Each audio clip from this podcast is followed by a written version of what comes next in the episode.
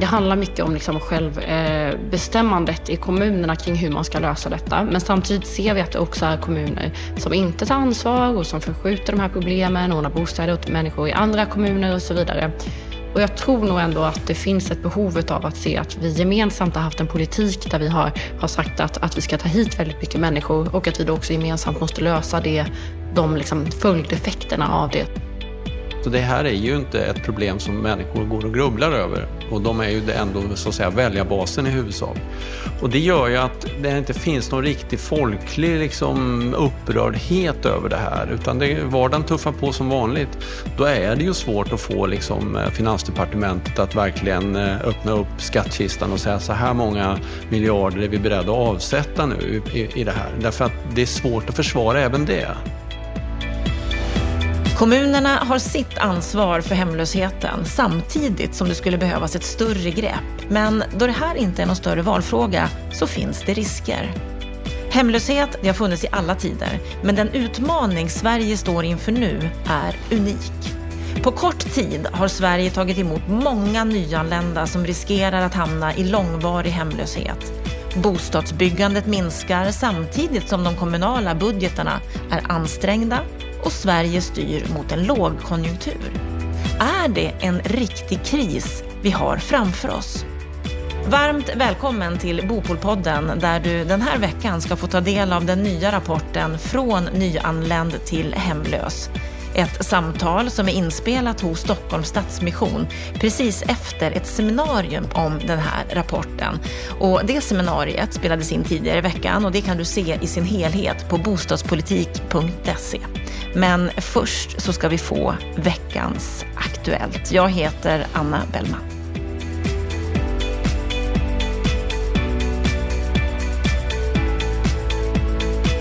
Ja, nu ska vi snart få höra mer om svårigheten med att få ihop ekvationen om hemlösheten. Men först, vad är det som har hänt i veckan, Stefan Attefall? Ja, det har hänt, tycker jag, två mycket intressanta saker. Dels har ju Danske Bank kommit med ett eh, 30-årigt bundet bostadslån. Alltså, du ska få låna på 30 år till bunden ränta 2,89 procent. Och du ska också kunna förtidsinlösa det här lånet utan att betala en ränteskillnadsersättning. Vilket gör att det här skapar en ny attraktiv produkt på marknaden som gör att man kan vara trygg med att det här är mina räntekostnader för lång tid framåt. Det är lite högt om man jämför med dagens ränteläge, men det är en försäkring för framtiden. Och, säger banken då, då slipper vi använda de här kalkylräntorna på 6-7 procent som banken använder sig av. Därför att då vet man vad hushållet har för räntekostnad. En innovation. En innovation, det betyder alltså när man inte behöver använda sig av de här räntorna, man inte behöver räkna med att hushållen ska kunna betala så otroligt mycket mm. i ränta, det som idag stänger ute många ifrån ja. bostadsmarknaden. Det betyder att fler ska kunna låna pengar och över en längre tid. Ja, man får helt enkelt låna lite mera kan man säga med samma kalkylunderlag. Och eh, man får en trygghet i sin, i sin ekonomi. Man får betala lite mera kan man säga just nu. Men kanske om några år så kanske till och med ett bra ränteläge. Vi vet inte. Men jag tycker det här är bra. Det är inte nytt europeisk mening. Det är ingen slump att det är Danske Bank som kommer. För i Danmark finns den här typen av lösningar. I Tyskland finns det. Men i Sverige har vi inte haft det. Det är fem till åtta år har fått låna på om vi har velat. Så att, eh, jag tycker det är välkommet och det är ett spännande tillskott till, till eh, bostadsfinansieringssidan för hushållen. Mm. Är det här ett sätt för banken att bidra till, till svårigheten för exempelvis unga att ta sig in på bostadsmarknaden idag? Ja, jag tror att de, de, de eh, bidrar på, på det här sättet. Andra banker försöker skruva ner med kalkylränta. Så det pågår ju en diskussion i bankvärlden om att de här villkoren inte är riktigt rimliga, men ingen vågar riktigt gå före. Nu tar Danske Bank det här steget, SBAB har tagit ett försiktigt steg för lite lägre kalkylräntor. Så det rör på sig, och vilket är positivt, för det har varit orimligt höga barriärer för många att få låna för att kunna köpa sin bostad, exempelvis ungdomar. Och sen har vi haft en interpellationsdebatt i veckan. Ja, om jag nu tyckte Danske Bank var en positiv grej så kanske jag inte var lika imponerad av Per Bolund som bostadsminister. Han fick ju en eh, fråga här av Ola Johansson från Centerpartiet om vad han tyckte om de här kreditrestriktionernas inverkan på bostadsmarknaden och, och om det fanns behov att utvärdera dem. Och han sa att ja, men det här har jag redan gett Finansinspektionen i uppdrag att göra och eh, det är inga problem. Finansinspektionen säger att de åtgärder de själva infört, de är perfekta. Och det är klart att det, det ska mycket till om en myndighet säger att vi tänkte fel.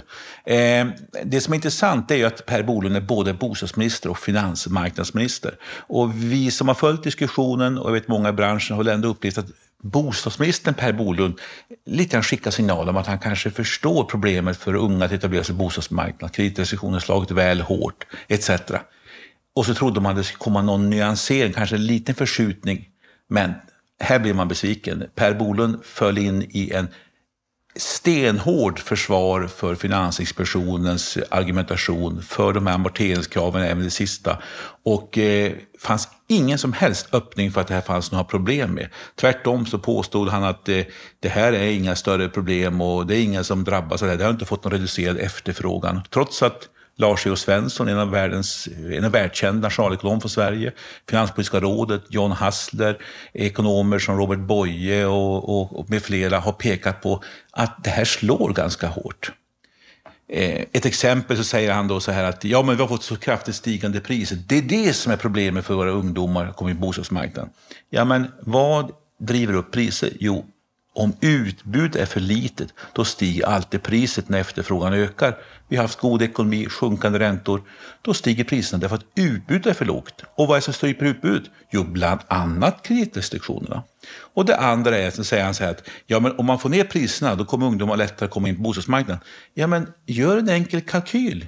Lars E. Svensson har gjort de här kalkylerna. Du måste sänka så priserna på en etta i innerstan i Stockholm med 40 procent för att kompensera för amorteringskraven. Men vem tror att det finns ett underlag för sådana prisfall? Då, får, då är vi inne i en, ekon, en ekonomisk härdsmälta värre än på 90-talet. Och så jämför med 90-talet när vi hade fast växelkurs och skyhöga räntor. En ekonomisk ekvation som inte funkar i dagens eh, fria rörliga växelkurs. Nej, Per Bolund, finansmarknaden per, per Bolund imponerade inte och bostadsminister Per Bolund var frånvarande. Och då kommer ju den naturligt, naturliga reaktionen att rent politiskt måste han göra så här för att han tidigare har låst in sig i något hörn? Ja, så han har ju inte lätt, det ska jag erkänna, att han sitter där och har eh, myndigheter som har gått in för det här spåret nu med, med Finansinspektionen i spetsen och han ska på något sätt eh, hantera detta. Men man hade ändå hoppats att han skulle kunna föra lite mer resonemang om att det finns för och nackdelar och skicka en signal om att jag ändå ser också problem som jag försöker vidta åtgärder kring. Exempelvis göra vissa särlösningar för ungdomar med någon typ av startlån eller kreditgarantier. Han öppnar inte upp någonting för det? Tvärtom. Det var stenhård argumentation för att Finansinspektionen, eh, de tänker helt rätt, de har utvärderat sig själva, de har kommit fram till att de har gjort allting perfekt och jag försvarade in absurdum. Det var en besvikelse och det var en besvikelse för alla människor som hoppades på någon typ av öppning för att eh, underlätta för en bättre fungerande bostadsmarknad för exempelvis ungdomar och nyanlända och andra som vill in på bostadsmarknaden. Då låter det på dig som att så länge vi har Per Bolund så kommer vi inte se någon öppning. Jag hade hoppats att det fanns någonting annat på gång, men eh, det verkar inte så. Och eh, det finns inte heller någon signal om att han hade någon typ av andra idéer. Och, och, det är väl som så att det, det händer inte mycket på bostadspolitiken, utan tvärtom. Per Bolund försvarade hyresrätten och investeringsstöd som det enda lösningen på bostadsbristen. Och då vet ju alla att billigt boende är aldrig en ny hyresrätt. Och eh, vi vet också att ska du bo länge på en plats så är alltid det ägda boendet billigare. Men tydligen ska ungdomar och eh, exempelvis nyanlända som fått fast arbete inte få med om den resan. Mm. En positiv nyhet, en stor besvikelse.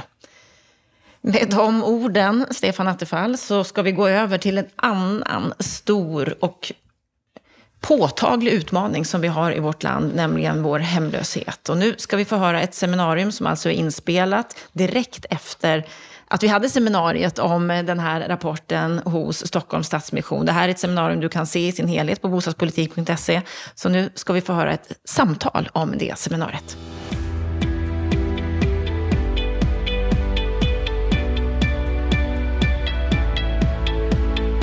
Hemlöshet har funnits i alla tider, men den utmaning som Sverige står inför nu är unik. På kort tid har Sverige tagit emot många nyanlända som riskerar att hamna i långvarig hemlöshet. Bostadsbyggandet minskar samtidigt som de kommunala budgetarna är ansträngda och Sverige styr mot en lågkonjunktur.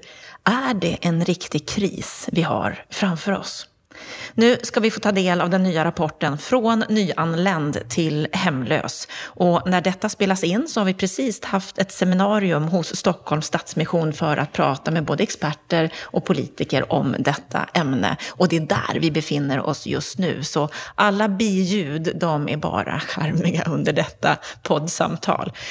Jag hälsar varmt välkommen till Bopolpodden Linda Jonsson, analytiker och bostadspolitisk expert på Veidekke Sverige och Mikael Nilsson, expert på bostadssociala frågor på Boverket. Om jag börjar med dig Linda, vad är din sinnesstämning just nu?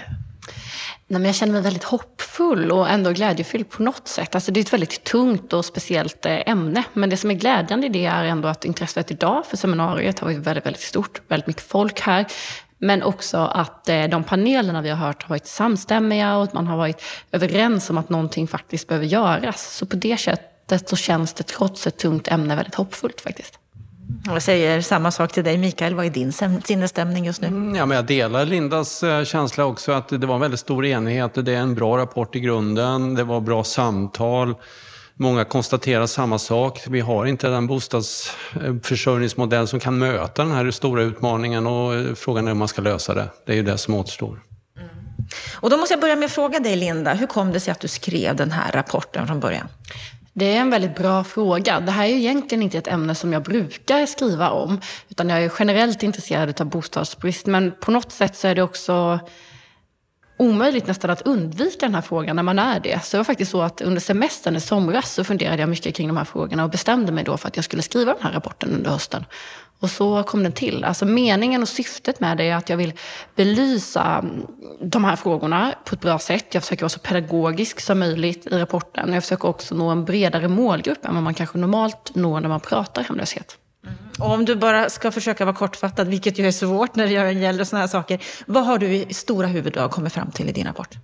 Nej, men alltså, huvuddragen är ju att hemlösheten ökar och att vi ser att hemlösheten som, alltså de hemlösa som grupp har förändrats. Så att vi ser att det är allt fler som inte har vårdbehov utan som egentligen då främst är hemlösa till följd av ekonomiska eh, problem, att man inte kan försörja sig själv och sådär. Och att de eh, nyanlända då, ifall man jämför med hur många de är i befolkningen som helhet är överrepresenterade just bland de hemlösa och utgör eh, ungefär hälften av de som är hemlösa idag. Och att utmaningen ser ut att bli ännu värre. Att vi har många idag som är kommunanvisade, som har tillfälliga kontrakt som snart löper ut och då också kan komma att knacka på socialtjänstens dörr. Mm. Och Mikael, du är ju på Boverket och du är också på Malmö universitet deltid för att skriva historien om varför den svenska bostadspolitiken inte fungerar för hushållen på marginalen. Hur kommer det sig att du är intresserad av de här frågorna?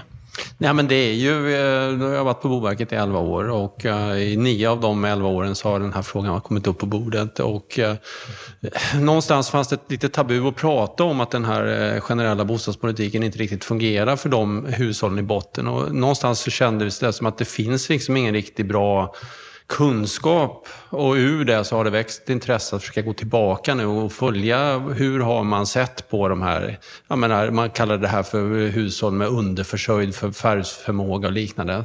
Så samma typ av problematik som vi ser idag, att man inte kommer i jobb eller man har för låga inkomster. Och så så att det, är, det är ett kunskaps, eh, en kunskapslucka som måste fyllas för att vi, ja men en pusselbit till för att kunna diskutera de här utan att vi ska fastna i alla de här gamla käpphästarna. Är det en kris som vi har framför oss när det gäller hemlösheten, eller som vi redan är i? Ja, med risk för att låta alarmistisk så är det ju klart att det, det, det här är ju en kris och, och, med risk för att låta lite larvig och använda det slitna uttrycket nu. Eh, vi såg det här komma, men vi skrev ju faktiskt en rapport 2015 där vi målade upp en ganska mörk bild av den här, eh, den här kraftiga mottagandet av nyanlända. Dels EBO-systemet som ju eh, inte, inte, som är oförutsägbart var människor dyker upp, men också det här social, ökat tryck på socialtjänsten men också den här svarthandeln, den här, den här gråa, svarta sektorn som, som har berörts lite idag också på seminariet. Att det finns eh, en, en, marknad på sidan om nu som växer och som människor hamnar i. De blir utnyttjade och man, ja, men det ringer journalister till Boverket och man har hört att någon har betalat men det fanns ingen lägenhet och hur stort är det här problemet? Så det är klart att när, när de här människorna börjar röra sig ännu mer i landet, då, då kommer det bli riktigt tufft på bostadsmarknaden. Och EBO-problematiken lyftes. Vad är, vad är den stora problematiken där, Linda? Nej, men där upplever väl kommunerna ett problem att det, vi får väldigt många i, i samma område som har eh, stora liksom, utmaningar, som befinner sig långt från arbetsmarknaden. Att man får problem med trångboddhet, vilket gör att man kan ha svårt, det blir svårt för barnen som lever i den här trångboddheten. Men också att man liksom får vissa kommuner då som får väldigt stor belastning för att man av naturliga skäl kanske flyttar då till släktingar och familj, vilket gör att, att man liksom grupperas i olika kommuner och sådär. Men det är väl inte det som kanske är mitt främsta fokus, jag tror att det är andra som är bättre på att beskriva de utmaningarna, utan det som jag kan konstatera är väl att det är ju fortfarande ett tillfälligt boende och det kan hända saker för den här personen som är nyanländ och då löser sitt boende på det här sättet. Vilket, alltså, man kanske får barn eller förutsättningarna förändras, det fungerar inte längre ju bo kvar i den här bostaden och då kan man ändå sen då falla tillbaka till, till socialtjänsten och komma och knacka på deras dörr. Och där är väl utmaningen att det är ju ingen långsiktig lösning att bo väldigt många i en och samma lägenhet eh, och sådär, utan att hur, hur löser vi den här utmaningen på sikt helt enkelt? Det är väl och här kan vi säga att vi pratade mycket på det här seminariet om kommunernas ansvar, att de har ett väldigt stort ansvar när det gäller bostadsförsörjningen framåt och att det kanske inte är hållbart på sikt. Många lyfte frågan om nationell strategi när det gäller hemlöshet. Vad säger du om det som kom fram på seminariet när det gäller det här? Jo, men det är jag också väldigt positiv till och det var en av sakerna som jag också lyfter fram i rapporten. Att jag tror att det är viktigt att man ser över kring hur kan vi samordna detta. På ett sätt kan det upplevas positivt att varje kommun har sin egna modell och den är anpassad till kommunen. Men det finns ju också en tendens av att man liksom upp uppfinner hjulet väldigt många gånger. Jag tror att vi skulle eh, tjäna på en samordning och att få upp den här på, eh, frågan mer på politisk nationell nivå. Det skulle också underlätta när man diskuterar till exempel kostnader och hur vi ska fördela dem. Så att jag är väldigt positiv till att man tar ett större nationellt ansvar och ser mer till helhetsbilden. Och därför så tycker jag också att det är anmärkningsvärt och tråkigt att man inte har gjort eh, en tillräcklig uppföljning och tittat på hur många som är hemlösa, vilka kostnader är det eh, och hur utvecklas det över tid och hur ser de här grupperna ut också på nationell aggregerad nivå. Så det är väl någonting som jag efterfrågar från Boverket också. Mm, det här var en ganska tydlig kritik från Linda till er på Boverket. Varför finns det inte en tydligare statistik och uppföljning när det gäller den här gruppen? Ja, alltså med risk för att uh, säga någonting kontroversiellt så är det så att uh, vi var väldigt inne på att vi skulle börja följa det här efter 2015. Men uh, vi fick väl signaler från så att säga, högre håll att det var, inte, det var inte det vi skulle prioritera. Och då gjorde vi inte det. Alltså, som tjänsteman på Boverket så måste man ju ha ett konto att tidredovisa på och någon, någon acceptans för att man gör någonting. Det kostar pengar. Och de pengarna har vi liksom inte haft för det här. Men nästa år ska vi göra en satsning då. Men det jag skulle vilja tillägga här till det här med den här liksom problematiken, det är ju den här att alltså kommunerna har ju ändå visat att när, de, när den här bosättningslagen kom just riktat till nyanlända som blir anvisade en kommun, då kunde man ändå lösa det i, i många fall med bostäder. Men, men man villkorade bostäderna och det gör man ju därför att det finns en väldigt stark liksom, logik att man får aldrig erbjuda någonting till en grupp människor som inte andra kan få. Och det är den problematiken Linda beskriver delvis. Varför är hyreskontrakten då som eh, bo, bostäderna tidsbegränsade? Ja, men det är av det skälet. Man tillfälligt lånar några lägenheter ur stocken som sen ska tillbaka så att den som står på tur i en lång bostadskö ska få den lägenheten. Ingen ska kunna komma och säga att titta på den gruppen, de får en fördel. Men det får inte vi. Därför att det kan ju få politiska konsekvenser sen när det är på valdagen. Och det här är ju någonting som är väldigt svårt därför att alla kommuner har inte exakt samma system eller har inte bostäder som andra kan efterfråga. Hur ska vi hitta en likstämmighet här när det gäller det kommunala erbjudandet? Och då kan man lära av historien. Därför att man tittar på när vi har haft särlösningar i svensk bostadspolitik så har det alltid varit kontroversiellt. Det ska egentligen inte finnas. Men när den backas upp av en nationell policy eller en nationell liksom politik som är väldigt tydlig med att nu gör vi den här prioriteringen. Det kan vara barnrika barnfamiljer eller kan vara några andra hushållstyper, egna hems, fattiga egna hem på landsbygden. Då har befolkningen lättare att acceptera orättvisan. Men, men den enskilda kommunen har ju svårt att, så att säga, sätta upp en sån policy som alla kommuninvånarna känner, för det är ändå deras pengar i, i mångt och mycket. Men om det finns en övergripande policy som talar om att det här är liksom en rättighet som vissa har, då har man lite lättare att acceptera det. Du menar en rättighet som man har oavsett vilken kommun man bor i? Ja, precis. Va? Att det gäller lika överallt. Va? Och att det kan vara en rättighet att om man blir anvisad att man faktiskt får ett förstahandskontrakt. Vad tror du om en sån lösning, Linda? Alltså att man ska ta frågan mer på nationell nivå. Ja, men som sagt, det är jag väldigt eh, eh, positiv till och man behöver flytta upp de frågorna. Och någonstans så måste vi väl också fundera kring just när det handlar om att det är väldigt många nyanlända och de har fördelats ut till kommunerna. Man får etableringsstöd under en, en viss tid men att det liksom inte är tillräckligt. Och när vissa kommuner tar väldigt stort ansvar och andra kommuner inte tar ansvar så kan det kanske vara relevant av det skälet också. Att man omfördelar kanske kostnader och funderar kring vem som faktiskt ska betala för de som har kommit hit och att man hjälps åt med den frågan. Det, det tror jag kan vara en viktig sak. Men också då att det är väldigt viktigt att de pengarna som, som eh, som man då liksom samlar in för att sedan distribuera till de här kommunerna som tagit emot många nyanlända. Att man också kan trygga att de pengarna faktiskt används på ett bra sätt och på ett effektivt sätt. Att vi inte ser den typen av lösningar som jag presenterar som har funnits i Malmö och sådär i rapporten. Mm. Kan du berätta lite mer? Vad är det man ser där? Nej, I Malmö så rapporterade man i våras, tidningen Hem och Hyra eh, rapporterade om, om hur man inte har fått fram tillräckligt med bostäder att hyra ut i andra hand och hur man inte har hittat tillräckligt med vanliga akutlösningar eh, och istället då har valt att, eh, att vända sig till privata mellanhänder som privat företag då som har hyrt upp och blockförhyrt olika hyresrätter som de sedan hyr ut då till kommunen i andra hand som sedan hyr ut dem i tredje hand till nyanlända. Och tanken är då att det ska fungera som liksom akutnätter. Eh, men det visar sig att människor har bott då i, i över ett år liksom i den här typen av boendelösningar och att de är väldigt, väldigt dyra. Att istället för att kommunen då hyr en bostad utav det kommunala bostadsbolaget eh, till liksom, eh, bruksvärdeshyra och sådär, så har man betalat fem gånger mer för en motsvarande bostad då, som man har hyrt utav en privat mellanhand. Det blir dyra lösningar. Mm. Och hur skulle vi kunna komma ifrån de här dyra lösningarna? Finns det någon lösning där som du ser det? Nej, men, och det är väl också kanske lite kontroversiellt, men min uppfattning är ju att vi äger väldigt mycket offentliga bostäder i Sverige genom de kommunala bostadsbolagen. Och jag tycker att det är naturligt av kostnadsskäl att vi ser till att använda de bostäderna i första hand till de som har ett behov och att man behöver rikta om det. Och det är ju i strid med allbolagen och så som allmännyttan är utformad idag. Och det tror jag är en strid vi måste ta att förändra. Mm. Och vem kan förändra det? Det kan politikerna göra. Och då är vi där igen, att mycket mm. ligger på politisk nivå. Mm. Ja, alltså jag, jag, nämnde ju lite grann där med snubbeltrådar, att vi har lagt ut sådana på det här bostadspolitiska fältet. Och det där är ju en sak. Alltså det är mycket väl så att allmännyttan kan, man skulle kunna plocka ut mer lägenheter, men då kommer det i konflikt med andra sådana här policies som att vi ska minska segregationen, vi ska bygga hållbara städer och då, och då kan det vara så att ja, men, eh, vi vill inte ha, eh, kommunen har bestämt att det ska inte vara fler hyresgäster med socialbidrag eller försörjningsstöd i den här delen. Och då är det stängt. Även om de skulle få loss lägenheterna där så finns det andra så här, mål som, som, man, som hindrar ändå. Och det är klart att återigen om den nationella politiken är tydlig med att om vi ska motverka hemlöshet bland nyanlända så får kanske segregationspolitiken stryka på foten. Och ett av kapitlerna i din rapport, Linda, har fått rubriken Hemlösheten, det sociala problemet som de politiska partierna glömde.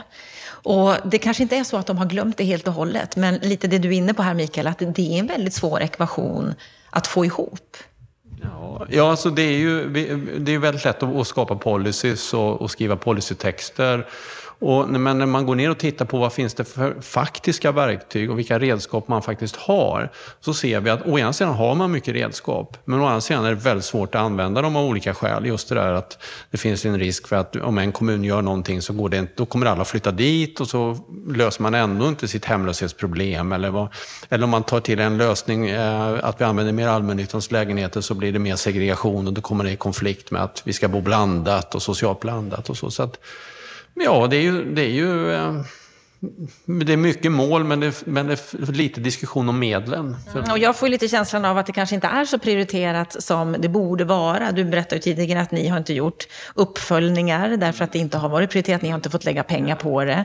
Att politikerna kanske, politikerna kanske faktiskt glömmer bort den här frågan medvetet. Nej, men alltså, det är ju som all politik, att det handlar om prioriteringar och vilka frågor är viktigast. Och då kan jag ju tycka att tak över huvudet är viktigare än, än, än liksom segregationsfrågan till exempel.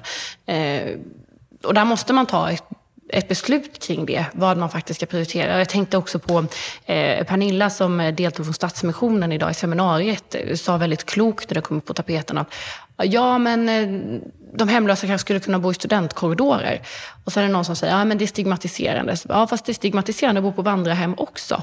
Att eh, man får liksom ta det utifrån vad det är. Och det är väl det som är min ambition med den här rapporten. Att försöka mer beskriva verkligheten så som den faktiskt ser ut. Även om det kan vara tufft och hårt att liksom läsa.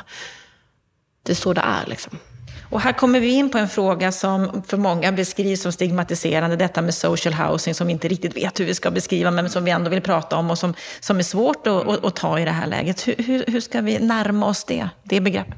Ja, men just nu tror jag att en, en, en annan historieskrivning som eh, sätter in liksom den svenska bostadspolitiken i ett annat perspektiv där vi har sett att de här selektiva lösningarna var väldigt, väldigt viktiga när man skapade modellen och det har vi glömt bort nu. Att det var liksom kommunen skulle jobba selektivt i väldigt stor utsträckning men när man inte gör det utan man börjar agera som om man är en generell bostadsleverantör med långa köer och allt det där och inte har behovsprövning och det, då, då faller en del av de här grundfundamenten. Och det, det är nog där som den här eh, liksom diskussionen om social housing måste sättas in. Att vi, har ändå, vi hade social housing ganska länge i Sverige, men eh, mycket längre än vad man i berättelsen om den svenska historien eh, liksom vill, vill trycka på. Skulle det kunna finnas utrymme för en ny sorts social housing i Sverige? Nej, men alltså, jag vill ju eh, liksom lyfta att vi har en form av social housing. Vi har de här olika typerna av sociala kontrakt som innebär att du genom eh, det offentliga kan få tillgång till en bostad och det får du baserat på ditt behov. Och det tycker jag är en väldigt bra form av social housing som jag tycker att man liksom ska bygga vidare på där man har det insprängt i olika hus och sådär. Eh, däremot så ser vi ju tyvärr också nu att det finns en utveckling av i och med att, att man inte får fram tillräckligt med bostäder, bland annat från allmännyttan då, att man istället bygger hela nya hus eller baracker och liknande där man då får den situationen att det bor väldigt många med en hemlöshetsproblematik på ett och samma område eller rent av i samma hus. Och det tror jag är olyckligt. Utan jag tycker att vi ska försöka titta mer på hur vi kan jobba med den här modellen, att man eh, försöker få fram bostäder runt om i beståndet, att, att helt enkelt fördela enligt behov. En aspekt som forskaren från KTH, Anna Granat Hansson, lyfte var att i många mindre kommuner finns en risk för förslumning. Där många människor samlas på en och samma plats och det blir områden som inte alls fungerar. Hur ser ni på det hon lyfte här?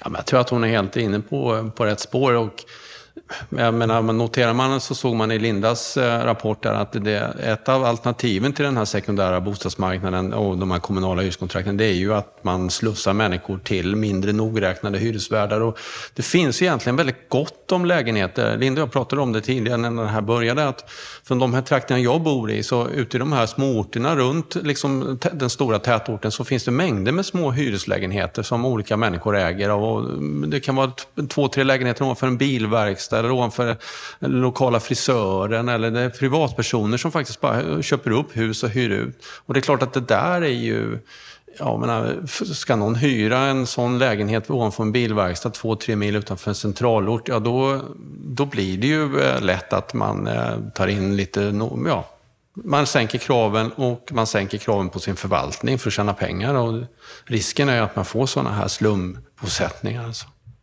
Men där är det också så viktigt att komma tillbaka till den här frågan och faktiskt fråga politikerna, men vad är det man kan förvänta sig som hemlös i ett välfärdsland som Sverige? Och det tycker jag Ja, det, det, är en viktig fråga som man måste fundera kring. Och när man har kommit på det så kan man fundera kring hur man, hur man löser det. Och det är möjligt att det är eh, så det ska se ut. och Vi behöver ta olika typer av bostäder i anspråk. Men det är också viktigt, tycker jag, att man ges liksom goda förutsättningar att också ta sig ur det.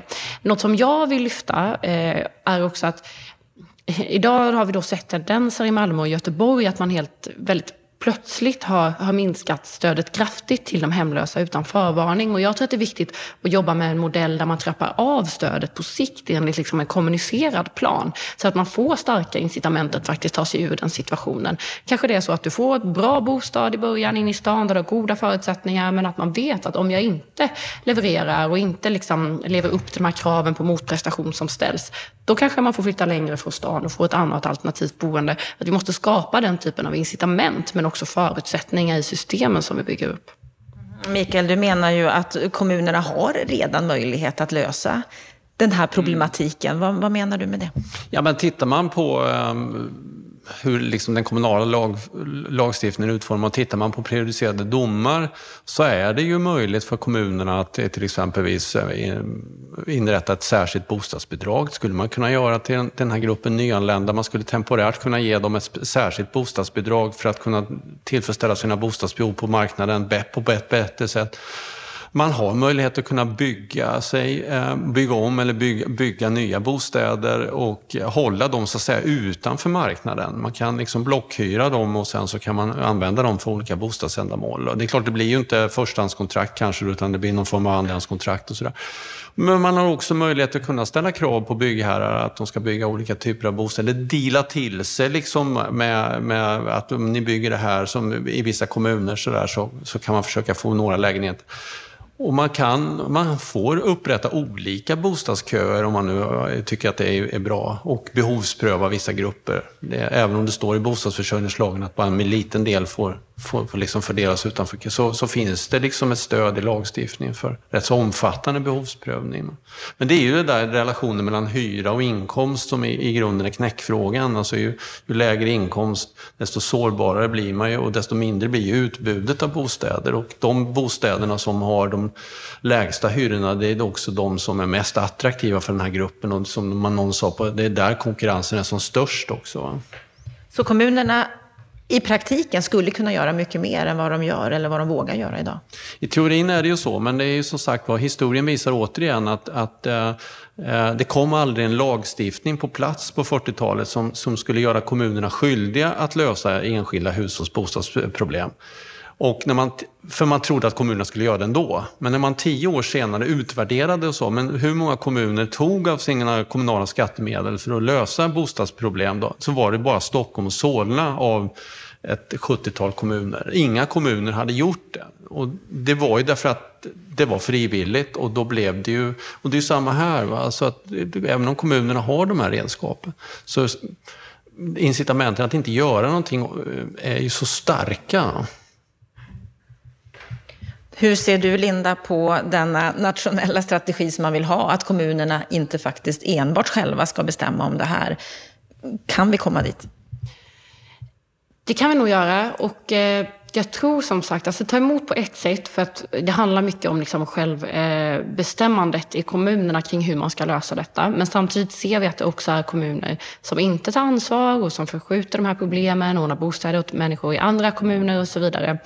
Och jag tror nog ändå att det finns ett behov av att se att vi gemensamt har haft en politik där vi har, har sagt att, att vi ska ta hit väldigt mycket människor och att vi då också gemensamt måste lösa det, de liksom följdeffekterna av det så att säga.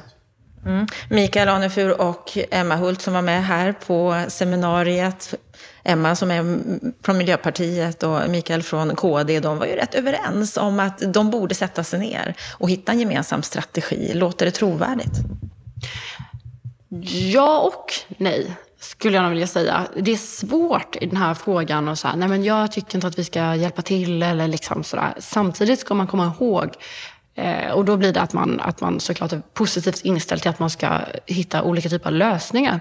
Men samtidigt ska man också komma ihåg att politik alltid är politik. Och att det är en del och eh, ett större taktiskt spel än så. Så även om man är överens om de här frågorna så riskerar det tyvärr också att, att fundera kring liksom, hur påverkar detta nästa val och vilka, liksom, vem vinner på att vi gör en sån här uppgörelse och sådär. Så att det är inte riktigt lika så enkelt som det kan vara att säga det i ett panelsamtal. Mm. Mikael, vad tror du om, om det politikerna lovade här under seminariet? Nej, men jag, det som jag brukar säga ibland att det här är ju i gemene man, som du använder uttrycket i din rapport, alltså det här är ju inte ett problem som människor går och grubblar över. Och de är ju ändå så att säga väljarbasen i huvudsak. Och det gör ju att det inte finns någon riktig folklig liksom, upprördhet över det här, utan det, vardagen tuffar på som vanligt. Då är det ju svårt att få liksom, Finansdepartementet att verkligen eh, öppna upp skattkistan och säga så här många miljarder är vi beredda att avsätta nu i, i det här. Därför att det är svårt att försvara även det. Eh, eftersom det, det är uppenbart riktat till liksom, människor som har invandrat till vårt land. Och det där vet vi ju att det där kan skapa väldigt starka spänningar. Så vi hade stora vakanser i, i många av våra stora bostadsområden och det dolde ju väldigt länge den här problematiken. Vi har ju känt, sen jag kom till Boverket 2008 så har ju det här varit en problematik. Att människor som får uppehållstillstånd inte har någonstans att flytta sen och att man tycker att ja, det, det, det, är jobbigt att sova, att man blir hemlös och sova. Men, men, men nu har ju så att säga den möjligheten ändå ännu mer minskat. Men det drabbar inte så mycket den vanliga skattebetalaren. Mm. Och då blir inte trycket lika stort ifrån gemene man? Nej, det gör inte. Det är svårt att göra det här till en vinnande valfråga och det är väl det som Linda lite antyder, att det är kanske det det kan handla om i slutändan. På det här seminariet så var det många som undrade hur kommer det sig att du Linda som jobbar på Veidekke, att Veidekke står bakom den här rapporten. Kommer Veidekke att jobba mer med de här frågorna? Ja, och då är det precis som liksom att det kan vara enkelt i ett panelsamtal att säga ja men det är klart att vi ska göra det och det är guld och gröna skogar, vi fixar eh, och löser och bidrar. Och det gör vi också, eh, men vi gör det på vårt sätt och utifrån de förutsättningar vi har. Man ska komma ihåg att vi är ett privat företag, att, det, att någonstans är det våra aktieägare som, som bestämmer och avgör vad vi kan göra och inte göra och de vill ha avkastning på sina pengar. Och det gör att vi kan inte gå in i projekt som inte genererar vinst och sådär. Men eh, vårt bidrag eh, är, till den här debatten är ju bland annat då att, att Veidekke har finansierat att jag har kunnat skriva den här rapporten, att vi belyser det här ämnet och försöker bredda målgruppen som nås av detta budskapet. Men någonstans så är det faktiskt upp till, till våra folkvalda politiker att, att faktiskt eh, se till att detta går att lösa på helheten. Så vi försöker bidra på vårt sätt och givet de ramarna vi har. Men de som har de riktigt stora ramarna och kan påverka detta ordentligt, det är faktiskt politikerna. Vad är det viktigaste du tycker att vi ska ta med oss ifrån din rapport och ifrån det här seminariet som vi har haft idag? Nej, men, alltså, dels är det ju hoppfullheten och att det ändå så här, det går att lösa. Och sen har jag tre saker som jag tycker är viktigt att liksom, poängtera. Och det första är att vi inte får glömma bort att nyckeln till bostadsmarknaden är jobb. Alltså att arbetspolitiken eh, och integrationspolitiken är helt avgörande för hur vi ska lyckas med den här utmaningen framgent. Sen tycker jag att vi har en stor utmaning kring just det här, men hur kan vi se till att de som är hemlösa både får incitament och förutsättningar att faktiskt ta sig ur den här situationen? Hur kan vi jobba med, med, med lösningar där man trappar ner stödet över, över tid och ställer stora krav på motprestation? Och den tredje grejen är hur kan vi faktiskt få med oss de, eh, de bostäderna som krävs från till exempel de kommunala bostadsbolagen och hitta de här snabba och billiga lösningarna när nu politikerna har bestämt sig vilket stöd det är man kan förvänta sig som hemlös. Vad ser du som det viktigaste, Mikael, att vi tar med oss? Ja, men det viktigaste det är ju, tror jag, ändå att vi får en begrepp om det här, eh, själva huvudproblemet, att vi kommer att ha stora människor som står utanför arbetsmarknaden under en ganska lång tid och att man hittar ett sätt att kunna Ja, men vi måste ha en beräkning över hur de framtida liksom, behoven kommer att se ut. Eh, vi ser ju arbetsmarknadsstatistiken och vi ser eh, kvalificeringen till Försäkringskassan att det för vissa grupper tar ju otroligt lång tid. Och så länge de befinner sig på den nivån att de är, har mindre än 50 procent av medianlönen för en 45-åring i Sverige så, så, är det svårt att vara självständig och kunna vara en, en köpkraftig efterfrågan på bostadsmarknaden. Och det måste man, den problematiken måste adresseras på något sätt. Så, så att det, det är ju jätteviktigt att man hittar sätt att räkna på det här. Viktigt att hitta sätt att räkna och viktigt att lyfta frågan så att den kommer upp på politikernas agenda så att det förhoppningsvis leder långt, långt vidare än där vi är idag. Stort tack för att ni var här i Bopolpodden på plats på Stockholms Stadsmission i Gamla stan. Tack Linda Jonsson och Mikael Nilsson.